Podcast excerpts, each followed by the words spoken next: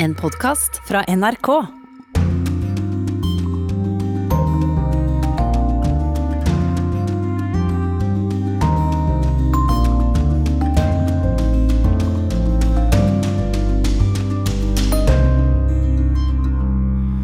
Etterlengta evakuering av sivile fra den ukrainske havnebyen Mariupol lar vente på seg.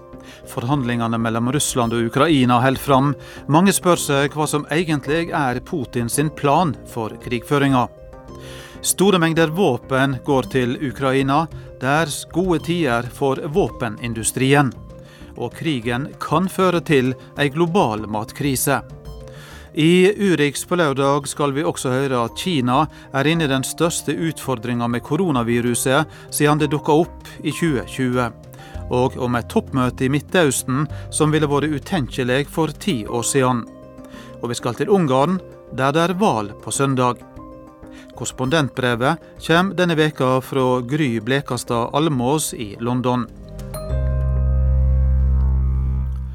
Velkommen til denne utenrikstimen i eh, P2. Her i studio er Eivind Molde. Røde skal altså i dag gjøre et nytt forsøk på å evakuere sivile fra den ukrainske havnebyen Mariupol. Russiske styrker har i løpet av natta gjennomført angrep i flere byer sør i landet. Utenriksreporter Morten Jentoff, du er i Ukraina, og hvor omfattende har eh, angrepene vært i løpet av natta og formiddagen? Ja, Det begynte i går kveld med rakettangrep. Tre raketter som ble rettet mot eh, et område litt i utkanten av Odessa. Denne store havnebyen helt i eh, sør, eh, sør i Ukraina. Og så eh, har det da vært eh, flere angrep eh, i, i, natt, bl.a. mot byen eh, Krematsjuk, som ligger ved Dnieperfloden. Og også mot Poltava, den historiske byen der det tidligere ikke har vært noe særlig særlig angrep, men der altså angrepet skal ha vært i nærheten av dette minnesmerket for det store slaget der Karl 12. jo ble slått av Peter den store.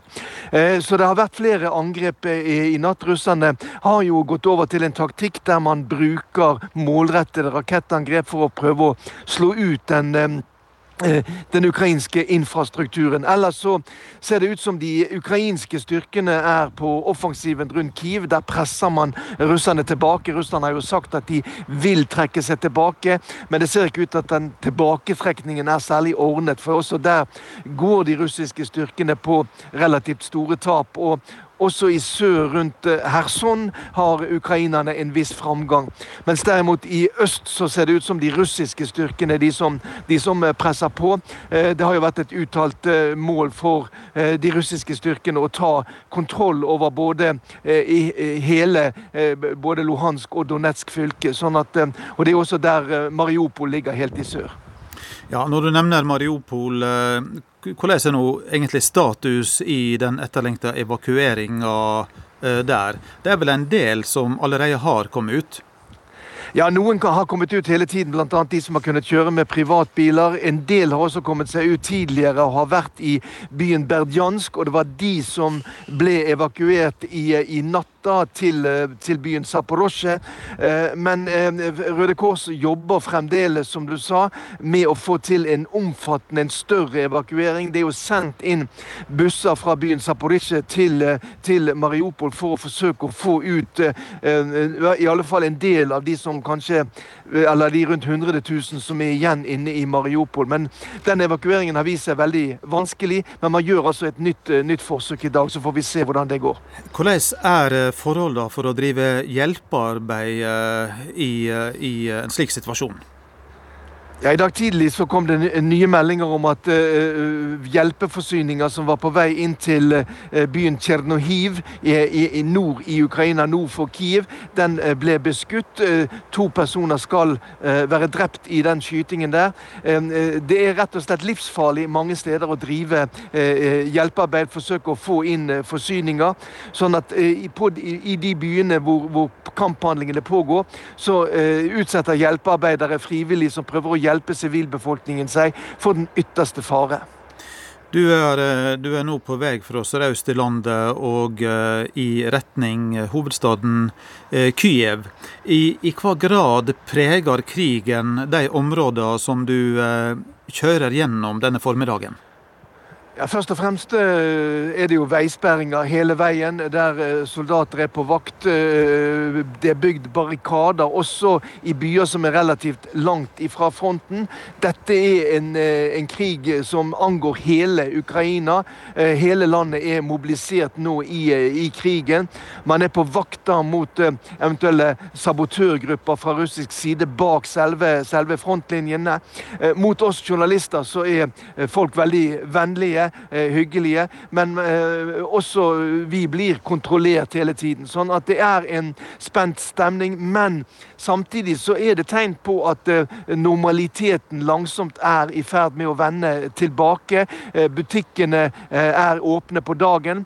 På kveld er det jo stort sett portforbud. Og også skolene er, begynt å fungere igjen i form av, av, av, av, fjernundervisning. Det er jo noe som man hadde erfaring med også her fra, fra tiden med, med koronaviruset.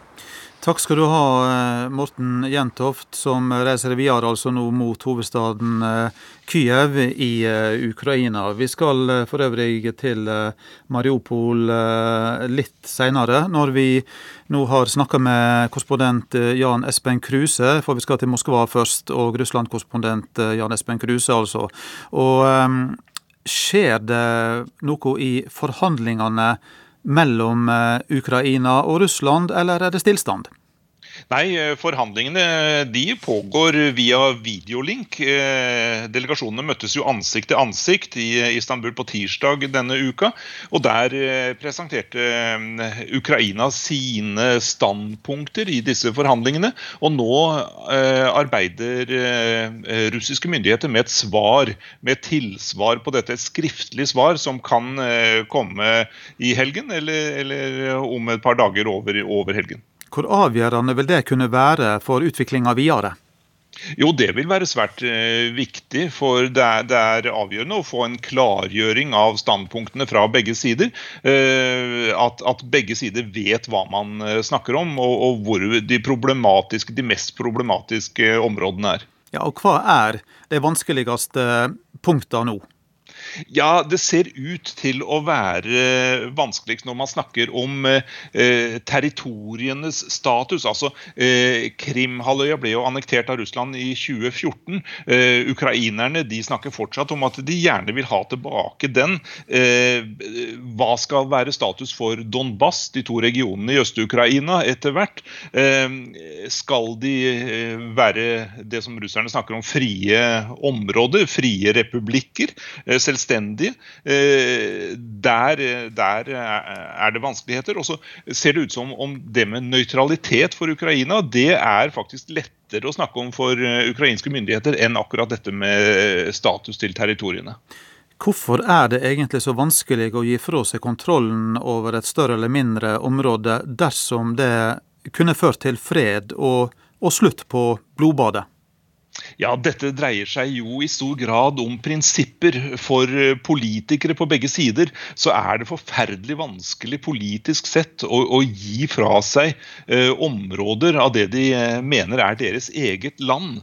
Så eh, det er nok der eh, det, det, ligger. For, for, Russland er Krimhalvøya viktig, Øst-Ukraina er viktig. Eh, det samme for Ukraina. Så der, der er det nok politiske prinsipper som er hovedgrunnen. Og imens går, går tida, altså, eh, og, og, krigen holder fram. Kan det bli aktuelt med et møte mellom de to presidentene, slik det har vært snakk om? Ja, altså eh, Ukraina har jo bedt om det i lang tid. Men eh, russiske myndigheter sa denne uka eh, at det ikke er uaktuelt, men at det er litt for tidlig akkurat nå. At eh, det først er aktuelt med et møte mellom de to landenes utenriksministre. Eh, og for å se da hvor nær man kommer en avtale. Først når, når en avtale er innen rekkevidde, så kan det være aktuelt med et møte mellom eh, Zelenskyj og Putin. Det var jo eh, positive signal eh, etter de forhandlingene som du snakka om i Tyrkia tidligere i veka. Det kan se ut som om den optimismen er litt dempa nå? Ja, eh, det var jo overraskende at det kom såpass positive signaler på, på tirsdag. Eh, den har definitivt blitt eh, dempa, for krigen den fortsetter jo i det store og hele eh, fortsatt. Og, men, men, likevel så er det altså positivt at, at begge sider ønsker å fortsette med samtalene. Hva er egentlig Russland sine planer i eh, krigen framover nå? Ja, Det er litt uklart. Uh, offisielt så ble det sagt fra russisk side denne uka da, at man trekker tilbake styrker fra, altså, rundt hovedstaden Kiev og byen uh, Tsjernihiv i nord. Uh, noen steder ser det ut til at denne tilbaketrekkingen skjer, andre steder er det kamper. Noen russiske styrker blir trukket tilbake til Hviterussland. Fra vestlig side blir det sagt at det kan være snakk om omgruppering, at man skal få inn nye Eh, soldater, nye våpen, og, og, så fortsette kampene senere. Så det vet man jo ikke uh, hva som er uh, president Putins plan. Å virkelig trekke permanent de styrkene ut fra den delen av Ukraina og, og fortsette i øst. Eller om Russland har tenkt å ta hele Ukraina etter hvert, når de får inn nye styrker og nye våpen. Det, det, det vet vi ikke. Det, det er rett og slett hva som skjer på bakken bakken som eh, vi må følge med på for å få svar på det spørsmålet. Det skal vi gjøre. Takk skal du ha, Jan Espen Kruse i Moskva.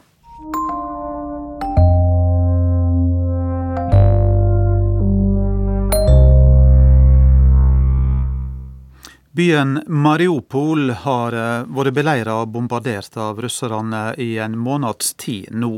Den humanitære situasjonen i byen blir omtalt som eh, katastrofal, og eh, over 100 000 innbyggere venter desperat på å komme seg ut. Som vi har hørt, så gjør Røde Krossen i dag et nytt forsøk på å evakuere sivile.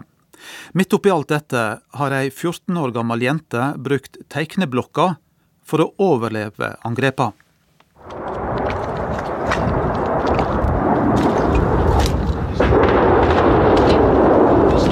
Я устала.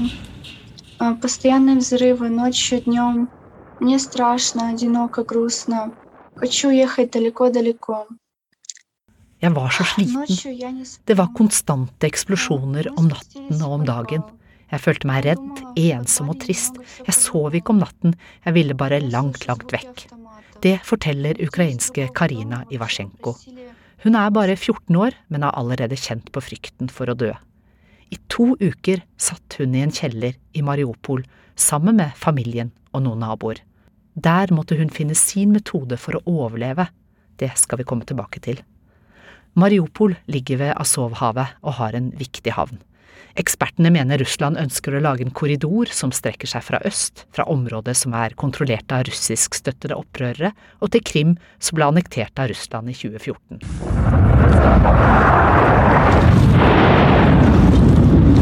Derfor har den ukrainske byen med over 400 000 innbyggere vært utsatt for massive russiske artilleri- og luftangrep time etter time, dag etter dag, de siste fire ukene.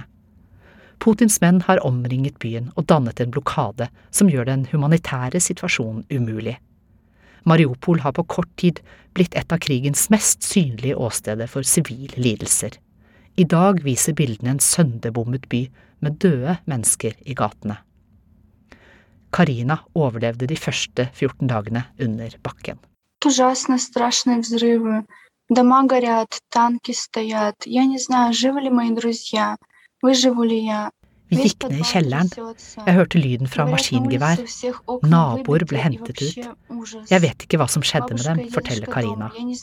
For å takle redselen begynte hun å lage en tegneserie.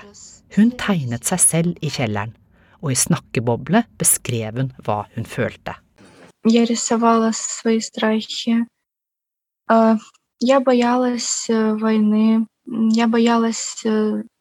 Jeg tegnet frykten min. Jeg tegnet veggene som ristet, forteller Karina på Zoom til nyhetsbyrået Reuters fra en leilighet i Krakow i Polen. Bortsett fra faren, som ble igjen, greide familien å flykte etter 14 dager og er nå i trygghet, Men ansiktet til Karina viser at dette er et barn som har sett og opplevd mer enn det som egentlig er menneskelig. Hun er blek og alvorlig, mens hun viser fram tegneserien fra livet i frykt. Там было очень страшно. Там было очень темно, не было света. Мы брали фонарики. Det var mørkt, vi hadde kun lommelykt og stearinlys. Vi sov nærmest på gulvet. En død person, dekket av blod, lå borterst i kjelleren. Etter hvert gikk vi tom for mat og vann, forteller Karina. Tegneserien hennes i svart-hvitt viser en tydelig sjokkert jente som gråter. Hun sukker tungt mens hun forteller og blar i tegneblokken. Tegningene holdt fokuset de 14 dagene. Det ble en måte å takle en håpløs situasjon. De skjønte at de måtte komme seg unna, og da de kom seg ut på gata, så de bare restene av husene som sto i fyr. Og det var røyk overalt. At Karina, moren og besteforeldrene kom seg unna, er nærmest et mirakel. For ingen vet hvor mange tusen av byens innbyggere som til nå er drept. Karina vet bare at nå trenger hun ikke tegne mer.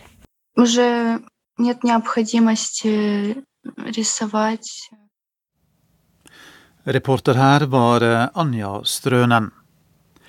Store mengder våpen fra USA og andre Nato-land fløymer inn i Ukraina. Det fører til gode tider for våpenindustrien. Også norske våpenprodusenter tjener på dette. I går møttes representanter for norsk og amerikansk våpenindustri og styresmakter i Washington DC for å diskutere denne helt nye opprustninga i verden. Det er en etterspørsel etter det vi driver med i Nammo, som er avansert ammunisjon og skulderfylte våpen. Spesielt de to kategoriene er det stor etterspørsel etter. Eh, nok mest for at man har tatt ut en stor eh, fredsdividende over mange år etter den kalde krigen, og ser at eh, kanskje det er lurt å ha litt mer på lager. Konsernsjef Morten Brandsegg i Nammo har behov for å snakke med sine amerikanske kunder nå. Derfor befinner han seg her oppe i toppen av en skyskraper like ved krigskirkegården Arlington, med nydelig utsikt over Washington DC, på konferansen NADIC, som samler norsk og amerikansk forsvarsindustri.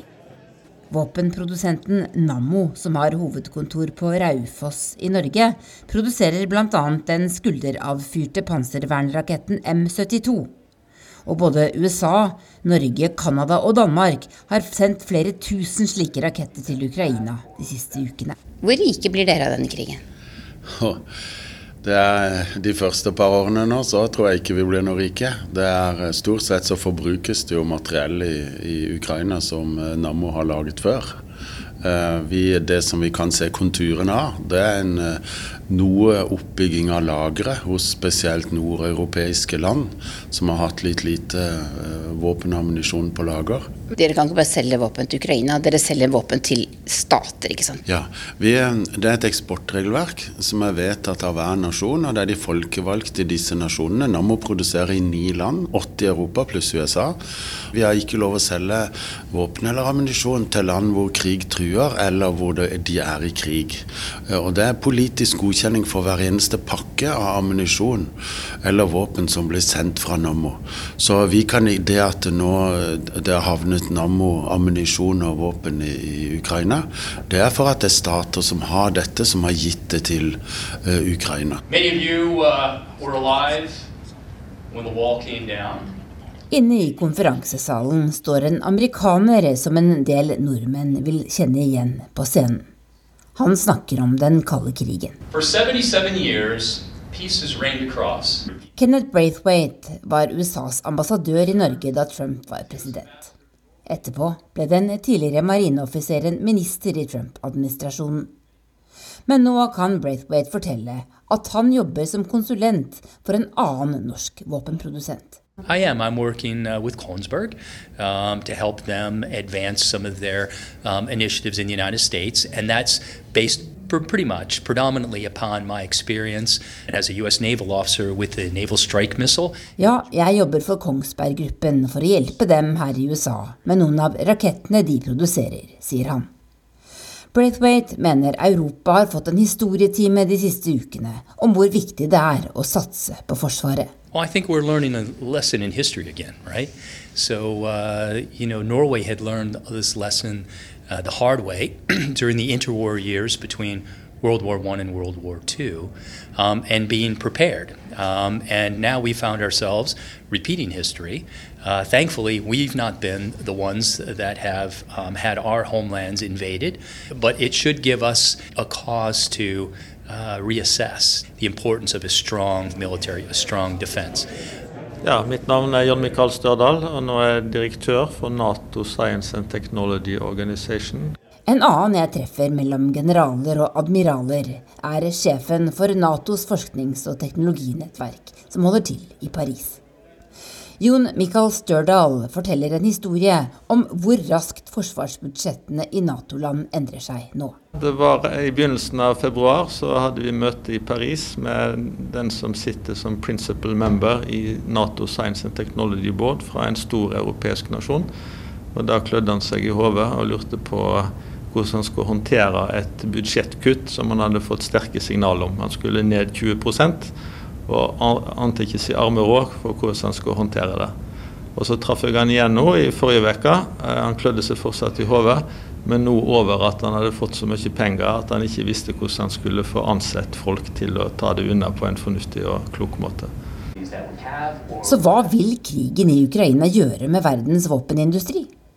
Vil den føre til varig opprustning og et nytt våpenkappløp, spør noen seg. William Greenwald er bekymret. Han jobber for tankesmia American Enterprise Institute og var tidligere rådgiver for den republikanske senatoren John McCain, som døde i 2018. And uh, we need to come together and understand to trust each other with our uh, uh, technologies, with our secrets. Mangel på tillit mellom landene er et problem nå. Allierte må dele mer om vi skal klare å utvikle framtidas våpen, sier han. Allerede før krigen i Ukraina startet, begynte USA å dele mer etterretning enn de vanligvis gjør. Men våpenhemmelighetene sine holder de for tett på. Og det er et problem, mener Greenwald. The US has a long-standing process of security and export controls which are premise that the United States is the uh, most uh, powerful nation in uh, technology development, and, and, and, and we can't learn anything from our allies. Uh, that is uh, a complete uh, um, um, change and misunderstanding from, from the reality of the world. Ja, USA må samarbeide tettere med allierte om våpenteknologi, sa William Greenwald til USA-korrespondent Tove Bjørgaas, som altså hadde vært på våpenkonferanse.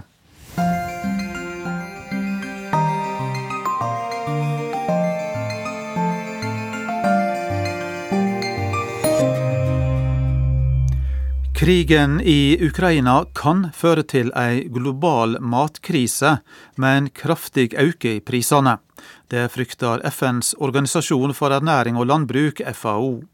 En av årsakene er at Russland og Hviterussland er to av de største leverandørene av gjødsel i verden. Jordbrukskjempen Brasil er et av landene som kan bli hardt rammet.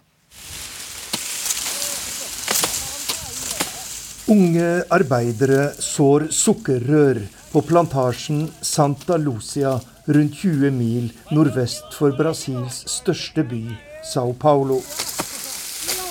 Det er et hardt arbeid og rundt 30 varmegrader på åkeren. Men arbeideren Wesley Ico jobber på spreng og stanser ikke når jeg stiller ham et spørsmål. Como vai o trabalho? Trabalho vai bem, graças a Deus. Hvordan går arbeidet, spør jeg. Det går bra, gudskjelov, svarer han. Men det er svært varmt, sier jeg. Ja, litt varmt er det jo, gliser han. Etter at åkeren er sådd, kommer traktoren med gjødselmaskinen. Det er avgjørende for å sikre en god avling, sier plantasjeeieren Fernando Sancaner. Gjødsel er grunnleggende og ekstremt viktig for driften. Uten den kunne vi ikke ha oppnådd den produktiviteten som vi har, sier Sankaner, som eier et gårdsbruk på størrelse med Oslo by. Området her i det indre av delstaten Sao Paulo er et av de mest fruktbare i verden. Her dyrkes sukkerrør, soya, mais og andre landbruksvarer som selges over hele verden. Brasil er en av verdens største eksportører av matvarer, men nå skaper krigen i Ukraina stor bekymring blant folk i landbruket.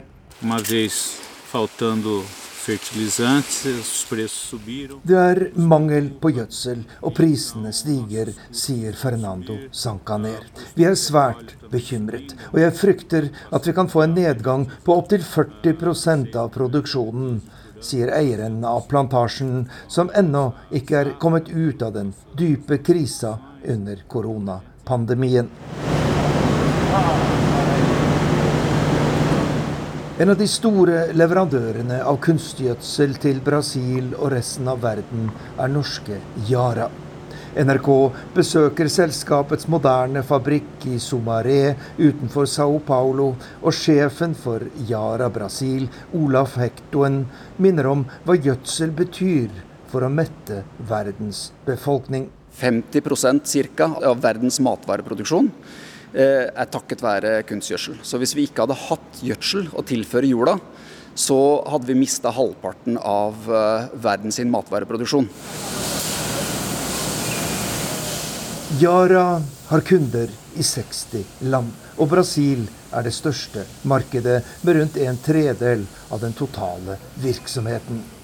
Brasil vil ha en nøkkelrolle i fremtidens matproduksjon, sier Yara-sjefen. Ja, det er et av de landene som eh, bidrar til at uh, vi faktisk produserer nok mat i verden. Og det er et av de markedene som fremdeles har potensial til å vokse mer. Men Brasil er også svært sårbar i dagens krisesituasjon. I en av hallene i fabrikken ligger det et fjell av kalium. Det kommer fra Russland og er et av de viktigste stoffene som trengs for å gjødsle jorda. Hviterussland og Russland utgjør 40% av kaliumeksporten i verden, nettopp når det gjelder det største produktet, som er MOP. Nå er leveransene av kalium helt i det uvisse. 40% er så stor andel av eh, verdens eksport at eh, det er umulig å ikke bli påvirka når eh, eksportstrømmene stopper fra konfliktområdene. Krigen i Europa har ringvirkninger over hele verden. Og gjødselgiganten Yara forbereder seg på en situasjon den aldri før har vært i. Det er fremdeles tidlig i en så tragisk konflikt som, eh, som den vi står midt inne i. Men alle tegn tyder på at vi står overfor en historisk stor matvarekrise. Produksjonen før konflikten brøt ut, er det så å si umulig å opprettholde uten, uh, uten dagens gjødselprodukter. Det sa sjefen for Yara i Brasil, Olaf Hektoen, til vår reporter Ant Stefansen.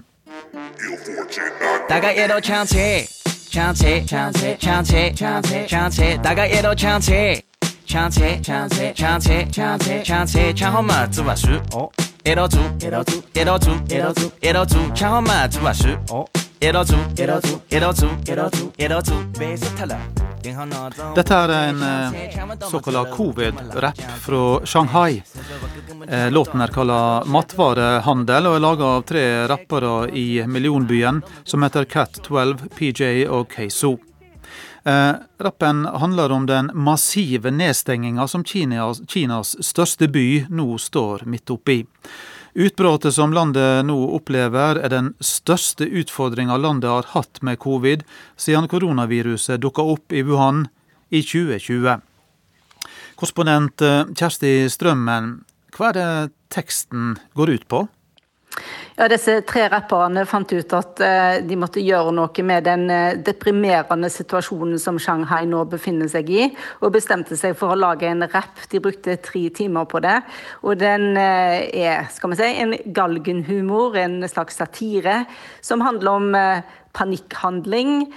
Hvordan byen gått tom for matvarer, hvordan det er tomme hyller overalt rett før de måtte i karantene at det er mangel på mat, og at de må stå i kø, og at det er massiv testing. Og så at eh, det kommer sånne budskap på høyttalere der de må møte opp til test. Så de har det litt morsomt eh, med denne litt alvorlige situasjonen de befinner seg i.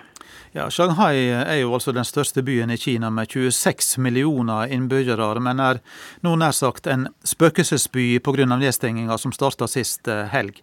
Tar alle det med like godt humør? Jeg vil ikke si at alle gjør det, men det er ganske mye morsomme kommentarer nå på sosiale medier. Og mye handler om dette med at Shanghai ble delt i to. Det er jo ei elv som går midt gjennom byen, som heter Huangpo. Eh, og eh, den østlige delen av byen, som er finanssenteret, den skulle først bli nedstengt i noen dager. Og så skulle eh, byen bli nedstengt i vest etterpå.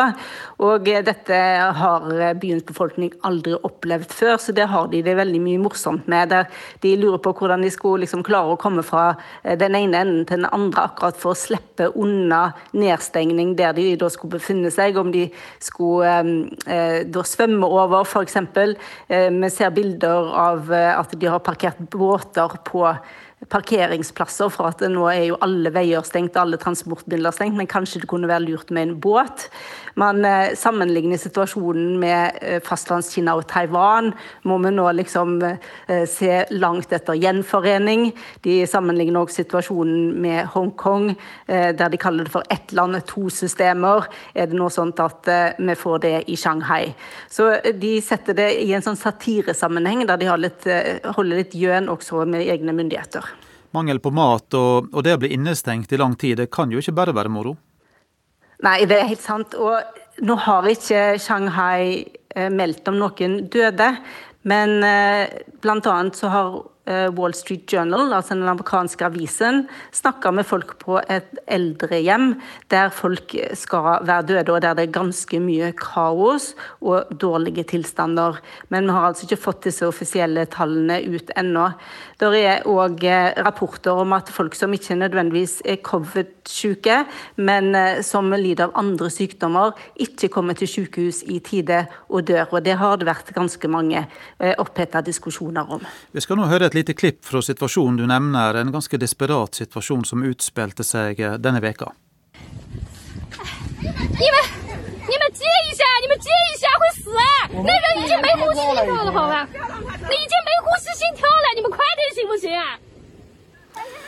Ja, Kjersti, hva, hva er det som blir sagt her?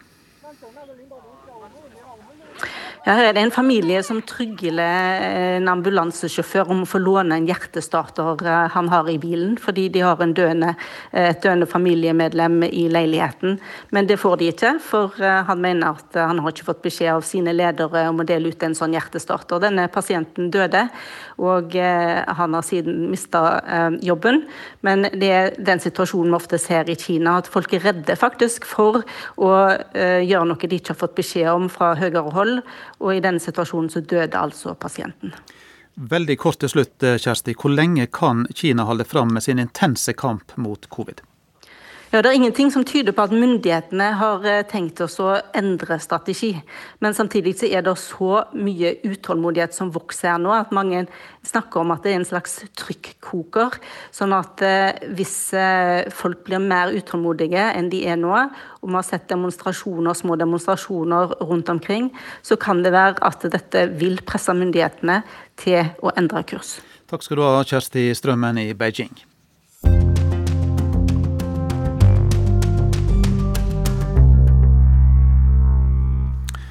Så til et eh, toppmøte i Midtøsten som blir omtalt som historisk.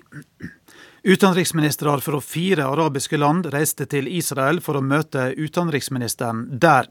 Møtet er det første av sitt slag etter at Israel og arabiske land, som de sammente arabiske emirater, Bahrain og Marokko, valgte å normalisere forholdet sitt etter over 70 år med diplomatisk isolasjon. Utenriksministeren i USA, Anthony Blinken, som også var til stede, sa at møtet ville vært helt utenkelig bare for få år siden. Midtøsten-korrespondent Yama Wolasmal, hva kom fram under dette sjeldne møtet mellom arabiske og israelske ledere? Det er som du sier at det er første gang eh, så høytstående regjeringsmedlemmer fra arabiske land har besøkt eh, Israel på offisielt vis. Eh, utenriksministrene fra Bahrain, Marokko og De forente arabiske emirater. Egypt har jo i flere tiår hatt et diplomatisk forhold til Israel. Det Den israelske utenriksministeren sa, at han håpet at dette toppmøtet skulle bli en årlig tradisjon. At Israel og deres nye arabiske allierte skulle samles i Israel eh, på årlig basis. Eh, samarbeidet mellom Israel og mange av disse arabiske landene går ut på et økonomisk samarbeid. Hvis vi tar De forente arabiske emirater f.eks., så har de annonsert at eh, de vil investere opp mot 100 milliarder kroner i israelsk teknologi. De ønsker å få tilgang til Israels sikkerhetsteknologi, overvåkningsteknologi, våpenteknologi. Eh, og dette er kjærkomment for israelerne som ønsker å eh, få et sugerør inn til statskassene til disse oljerike landene. Eh, så fra de emiratiske landene, altså fra Emiratenes hold, så er det et, et veldig Altså det er et populært samarbeid. Arabiske land har eh, lenge hatt Israel i den diplomatiske fryseboksen ja, i, i over 70 år, bl.a. pga. okkupasjonen av palestinske områder. Hvorfor har flere arabiske land nå valgt å gravlegge stridsøksa med det som en gang var erkefienden? Dette er jo eh, et Um, en, en, hendelse, en begivenhet, som uh, ikke hadde vært mulig uten tidligere president Donald Trump, som, uh, som banet vei for at disse arabiske landene skulle uh, begrave denne stridsøksen gjennom de såkalte Abrahamsavtalene, som ble signert i 2020, da han satt som president. Han oppfordret arabiske land til å bli venn med Israel etter 70 år med isolasjon. I bytte mot det så tilbød Trump hvert eneste land eh, noe de hadde ganske høyt på ønskelistene sine. Marokko, som har okkupert eh, Vest-Sahara siden 70-tallet, eh, fikk dette området godkjent av, anerkjent av USA under Trump, stikk i strid med folkeretten. Sudan, som sto på USAs offisielle sponsorliste over terrorstater, ble fjernet fra denne listen mot at de anerkjente Israel og normaliserte forholdet. Og Emiratene, som på mange måter har den politiske ledertrøya i Midtøsten på, det er et veldig ressurssterkt land, de fikk godkjent et salg, eh, på, altså et salg av amerikanske våpen, som bl.a. innebar over 50 F-35-fly, som er verdens mest avanserte jagerfly. Så hvert eneste land fikk eh, ønskene sine oppfylt av Trump mot at de eh, inngikk dette samarbeidet med Israel. Til slutt, eh, Jamma, du har snakka med både israelere og arabere om dette nye vennskapet. Hva sier de?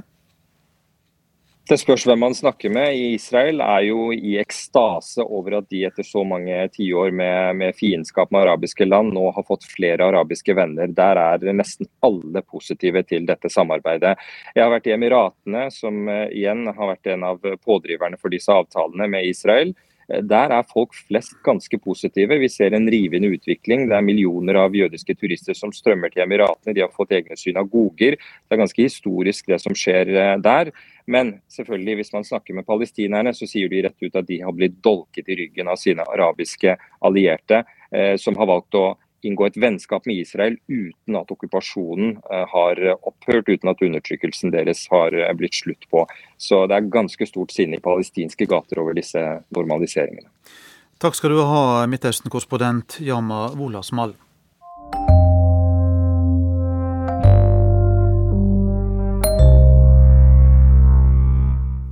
Søndag er det valg i Ungarn. Ukraina har naturlig nok blitt den store saka i valgkampen, og ei hard nøtt for statsminister Viktor Orban. Orban har styrt landet i tolv år, og på meningsmålingene ligger han an til å bli attvalgt. Men han blir kritisert for den posisjonen han har når det gjelder Russland.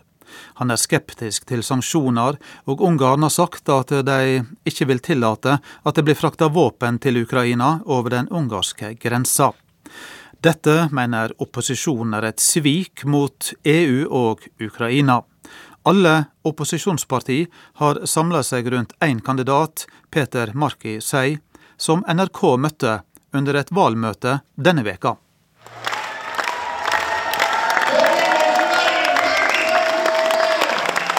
Han blir mottatt som en redningsmann, opposisjonsleder Peter Markisai.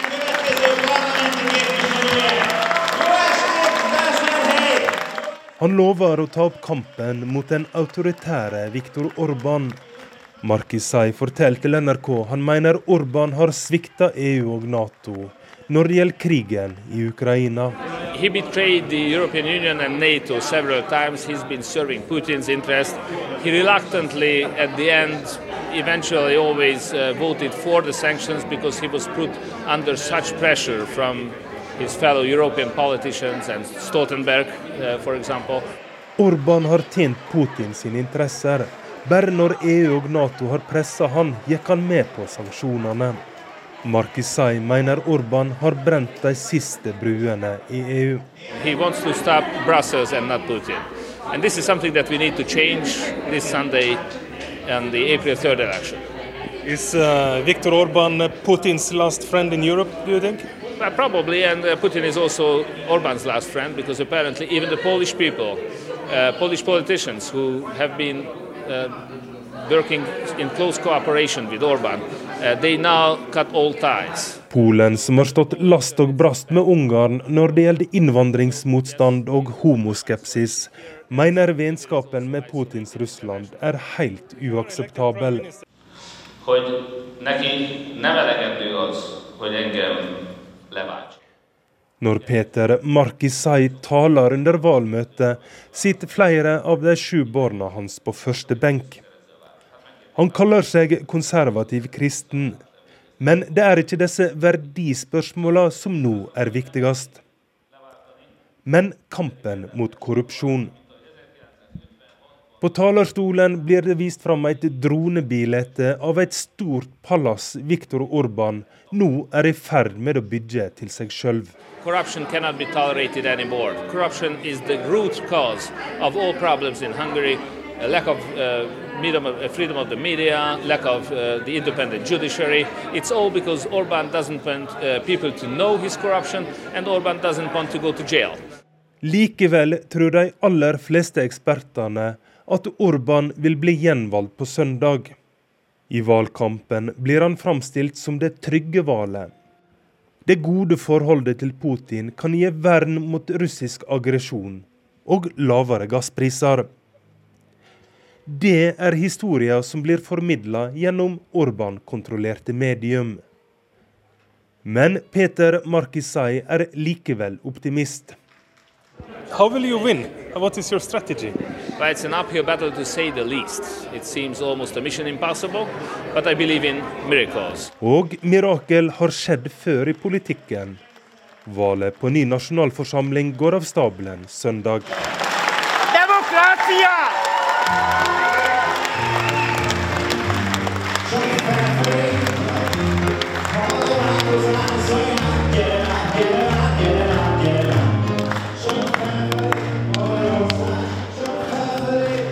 Korrespondent Roger Severin Bruland hadde vært på valgmøte i Ungarn. Og du er med direkte fra Ungarn eh, nå, her i Urix på lørdag. Hva er det dette valget egentlig handler om?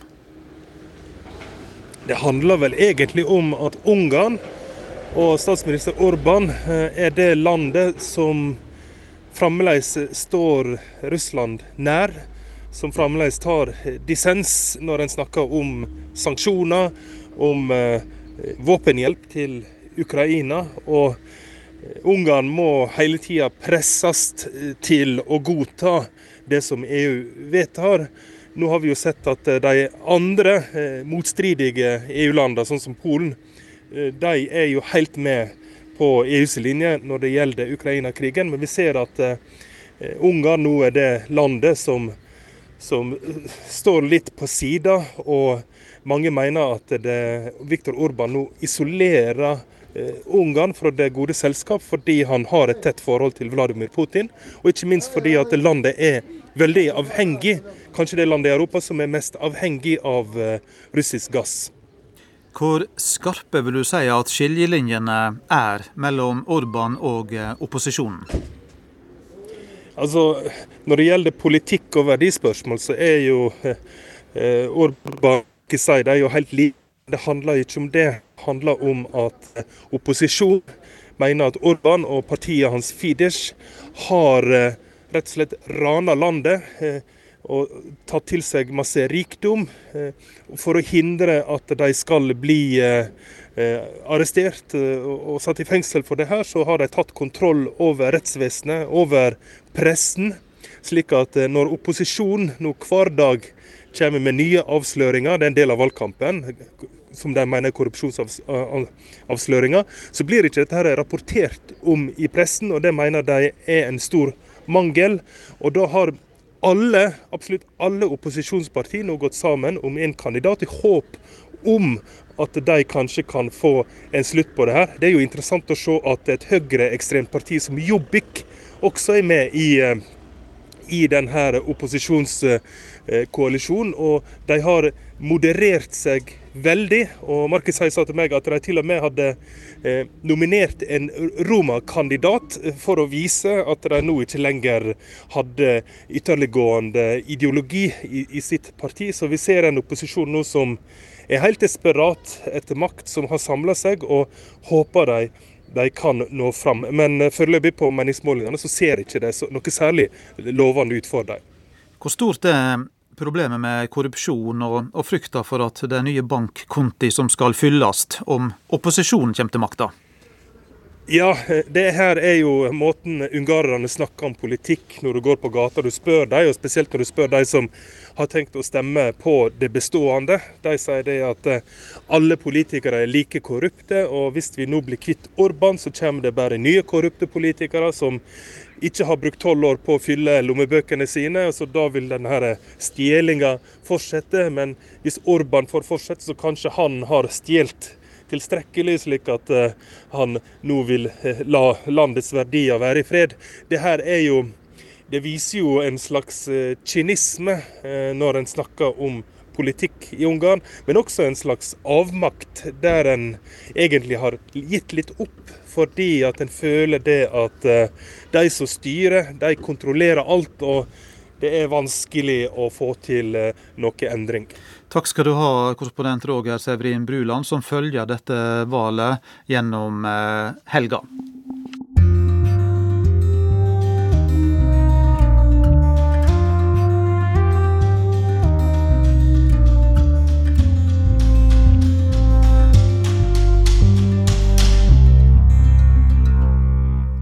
I morgen er det tradisjonsrike båtracet mellom Oxford og Cambridge tilbake på Themsen etter to års fravær pga. pandemi. Hva er det med briter og roing, lurte korrespondent Gry Blekastad Almås på. Hun bare måtte komme seg på elva for å forstå magien. I korrespondentbrevet denne veka forteller hun om den historiske roturen på Themsen. Themsen er dit jeg alltid går for å finne ro. Og ro fant jeg i dobbel forstand denne dagen. Det er som å skrelle en løk, sa han som skulle lære meg kunsten. Det kommer stadig et nytt lag, og så la han til, og hvert lag får deg til å gråte. Jeg begynte å angre. For meg har roingen fremstått som ren idyll. Mens båtene glir lydløst på elva, kan roerne nyte vakker natur, historiske bygninger og et variert folkeliv langs Themsens bredd. Det har jeg sett for meg ingen tårer i min forestilling. En langvarig drøm skulle gå i oppfyllelse. Endelig skulle jeg prøve å ro, på ordentlig, sånn som de gjør det her, på elva der den moderne rosporten hadde sitt opphav. Themsen er selve hjertet av britisk roing. Allerede på 1400-tallet ble de første rokonkurransene arrangert her. To av racene som fortsatt pågår i dag, går århundrer tilbake i tid. For drøye 300 år siden var London sentrum for et britisk imperium under utvikling. Den industrielle revolusjonen var i emning. Folk strømmet til byen som var i ferd med å bli den største i Europa, med sine 600 000 innbyggere. Betydelig færre broer bandt sørlige og nordlige London sammen den gang. Det var båtfolkets jobb å frakte folk over elva med små passasjerferger. Båtfolk som ville kappes om å være kjappest. Litt moro må man jo kunne ha det på jobb. Og i 1715 gikk det som er blitt verdens eldste pågående rokonkurranse, av stabelen for aller første gang. Hvert år i mer enn tre århundrer har Doggets Coat and Badge Race mellom London Bridge og Chelsea blitt holdt. Men de byttet ut passasjerferger med scullere på et tidspunkt. Drøye 100 år senere var det ikke arbeidskarer, men to studenter ved prestisjeuniversitetene Oxford og Cambridge som startet det som gjør krav på navnet The Boat Race, altså bare båtrace. Det kanskje mest kjente i hele verden, som følges av millioner av mennesker over hele kloden den dag i dag. Charles og Charles var to kompiser som gikk på hvert sitt universitet. De kjente hverandre fra gamle dager, og han med etternavn Wordsworth tok ofte turen fra Oxford til Cambridge, der han med etternavn Merivale holdt til. Der rodde de sammen, og etter hvert utviklet det seg til en vennlig rivalisering mellom de to universitetene. I 1829 ble den første konkurransen holdt, også den på Themsen, først ved Henley, der den berømte kongelige regattaen avholdes hver sommer. Senere ble konkurransen flyttet til London, der den årlig holdes mellom Putney og Mortlake. Og nettopp der målstreken for båtrace går, ligger båthuset jeg var på plass i denne grytidlige morgenen. Roing er en tidlig sport, som instruktøren min sa. Jeg hadde gnidd søvnen ut av øynene og bestått testen på romaskinen. Nå var jeg og mine tre lagkamerater på vei ned til vannet med båten over hodet. Det er da det går opp for meg hvor ekstremt smale disse kapproingsbåtene er. To tanker går gjennom hodet mitt. Får jeg plass til rumpa mi nedi der? Og det må være veldig fort gjort å gå rundt. Den av mine nye venninner som også er den eldste på laget, bekrefter det siste. Mary Mortimer på snart 64 år har gått i vannet mange ganger. For det er ikke enkelt å ro. Og et slikt ufrivillig bad er ikke bare forfriskende. Jeg har alltid med en cola, ler hun. Det skyller ting ut. Hvilke ting, vil jeg vite. Hun forklarer at det ofte går kloakk rett ut i elva.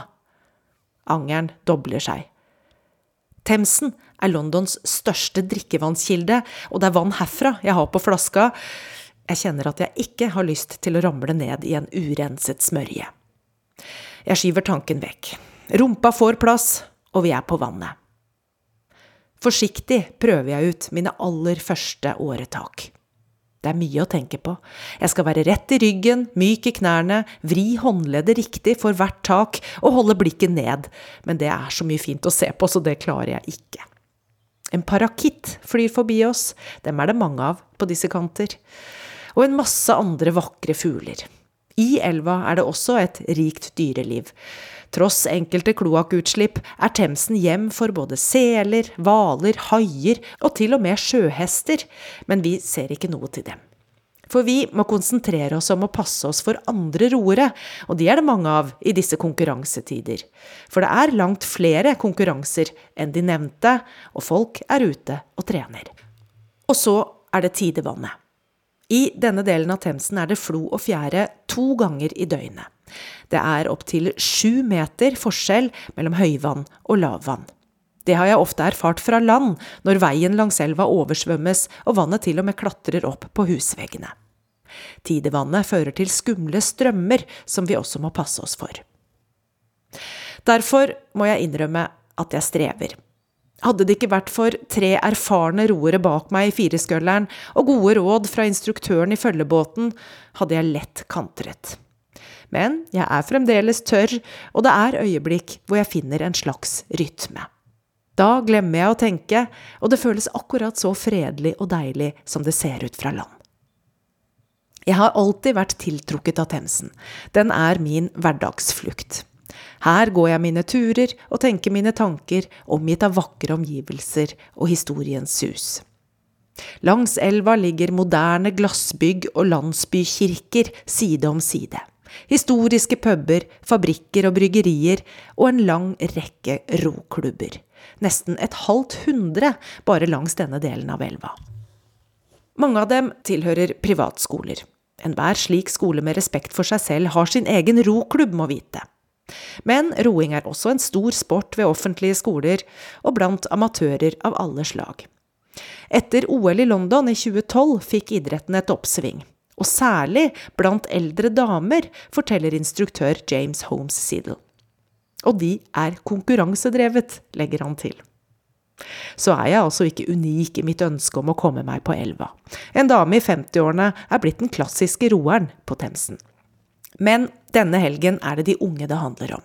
Da er studentene fra Oxford og Cambridge tilbake her etter to års opphold. Bare pandemi og verdenskriger har klart å stanse denne tradisjonen. Nå er den tilbake. Når jeg tråkker ut av båten, er jeg utrolig nok fortsatt tørr. Jeg slapp et dypdykk i elvas mangfold. Og jeg angrer ikke lenger. En stakket stund har jeg vært en del av en århundrelang tradisjon. Jeg har følt på kroppen historien og historiene denne elva og denne byen rommer. Jeg har fått ro på mer enn én måte. Og i morgen kan du se hvordan Gry Blekastad Almås sin rotur gikk i Søndagsrevyen.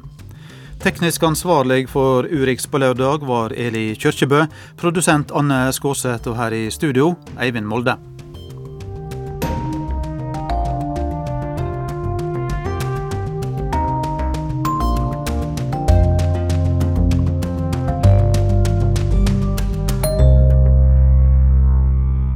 Du har hørt en podkast fra NRK.